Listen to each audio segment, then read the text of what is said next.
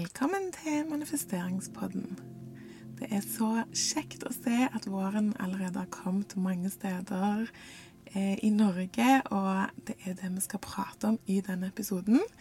Hvordan en vårrengjøring, både fysisk og mentalt, kan hjelpe oss å manifestere og gi plass til nye ting i livet vårt. Når vi har huset fullt av rot, så er det ikke plass til å ta inn nye ting. Og det samme skjer med hjernen vår. Når vi har samla masse gammelt ræl, så er det ikke plass til nye tanker og ideer og trosystemer. Og ofte så henger jo mentalt og fysisk rot ganske tydelig sammen. Så i år tenker jeg at vi skal rydde både fysisk og mentalt. Og hvis du noen gang har hatt en skikkelig opprydning hjemme, så vet du hvor godt det gjør mentalt. Og du føler deg mye lettere, får energi og giv. Du får lyst til å holde det rent og ryddig rundt deg. Det føles godt å donere vekk ting, vite at andre kan få glede av det. Det føles bra å selge ting, så andre kan gjøre et kupp, mens du kan få frigjort plass, og kanskje òg spare opp til noe du ønsker deg.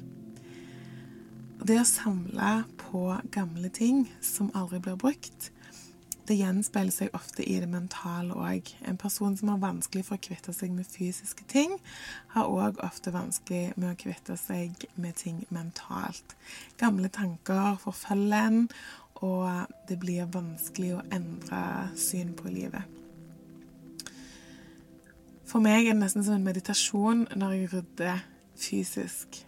Altså Hjernen blir så fokusert på å rydde, finne mest mulig ting. Jeg kan kvitte meg med vaske kriker og kroker som jeg ikke vasker til daglig. Eh, og samtidig så vandrer hjernen min fritt, og jeg kommer ofte på mange gode ideer og tanker mens jeg har en type vårrengjøring. Litt samme som når jeg kjører bil, eller når jeg er i dusjen, eller ja. Det er nettopp det vi skal gjøre denne våren. Altså, vi skal rydde fysisk mens vi fokuserer på hvilke ideer og tanker vi ønsker inn, og samtidig da finne frem gamle tanker og ideer som vi skal kaste ut. Hvis du går rundt med en gammel kjole som er sliten, og som du tydelig ikke er komfortabel i, hva tror du de rundt deg ville tenkt da? Ta på deg en annen eh, kjole, ta på deg noe annet. Det er på tide å kaste den kjolen. Eh, det er det samme når vi går rundt med en mental bagasje, eh, altså som vi går og drasser på, da. Hvis du går rundt med en gammel tanke om f.eks. at du ikke fortjener å ha det bra, og de rundt deg ser at du ikke har tro på deg sjøl, hva tror du de tenker? Hva tenker du når du ser noen som du er glad i, som drar rundt på sånne gamle, destruktive tanker om seg sjøl? La det gå. Hvorfor bærer du rundt på de gamle og stygge tankene om deg sjøl? Du kan kaste det og skaffe nye tanker. Det er slitsomt både for deg som drar rundt på de gamle tankene, og for de rundt deg som er glad i deg, og som må se på at du ikke tror på deg sjøl. Så både for din egen del og for de du er glad i, så la oss ta en mental vårrengjøring. Og fysisk.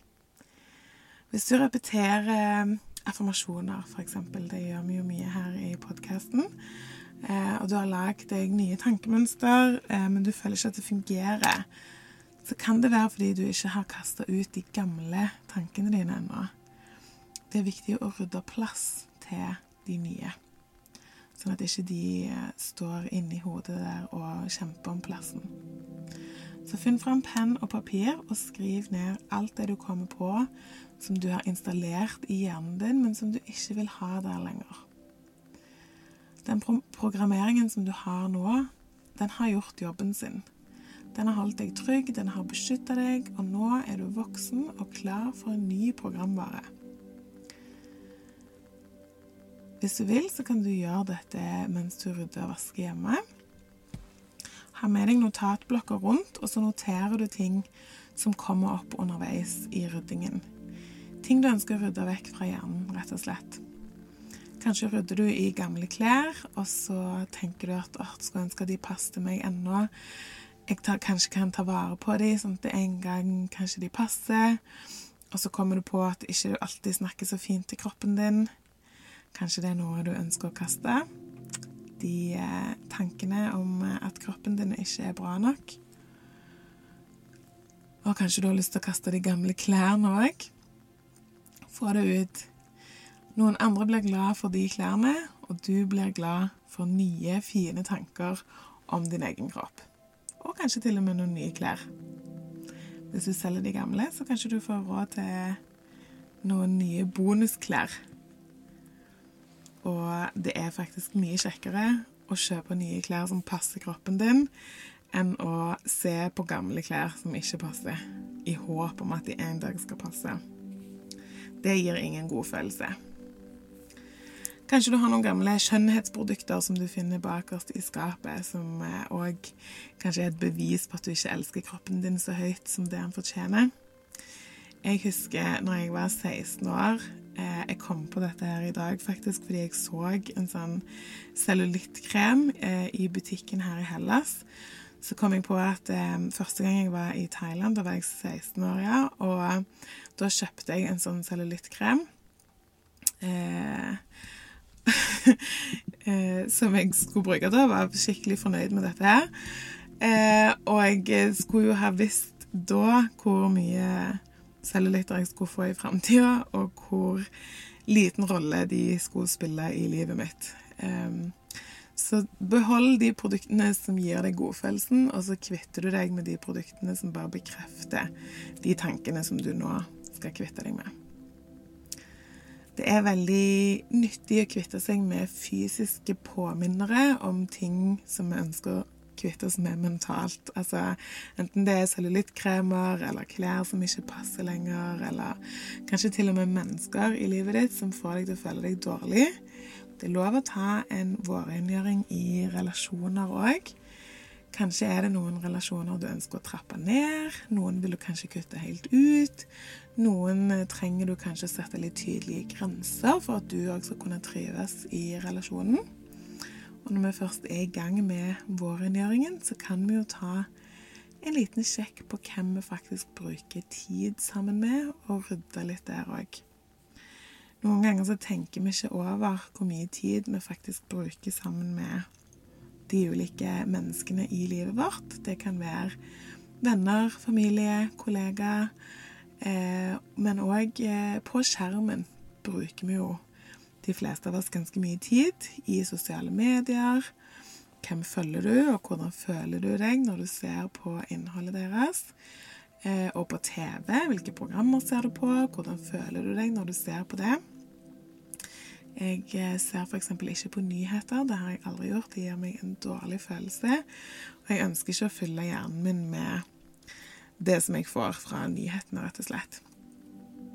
Vi er jo alle på jakt etter godfølelsen. I bunn og grunn så er det jo den vi alle manifesterer.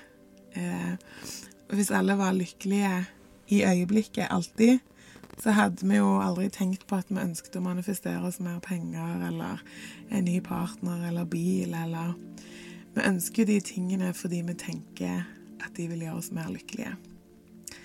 Så la oss gjøre de små grepene i livet for å skape den lykkefølelsen så ofte som mulig. Og mange små grep, det får enormt store ringvirkninger.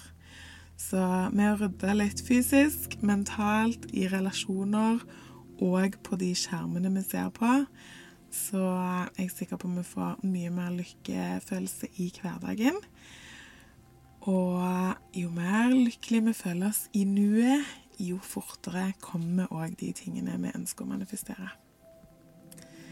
Episoden er som vanlig sponsa av nettbutikken min jezabel.no, hvor du finner masse verktøy for å manifestere. Jeg skal legge link i episodebeskrivelsen, og så høres vi.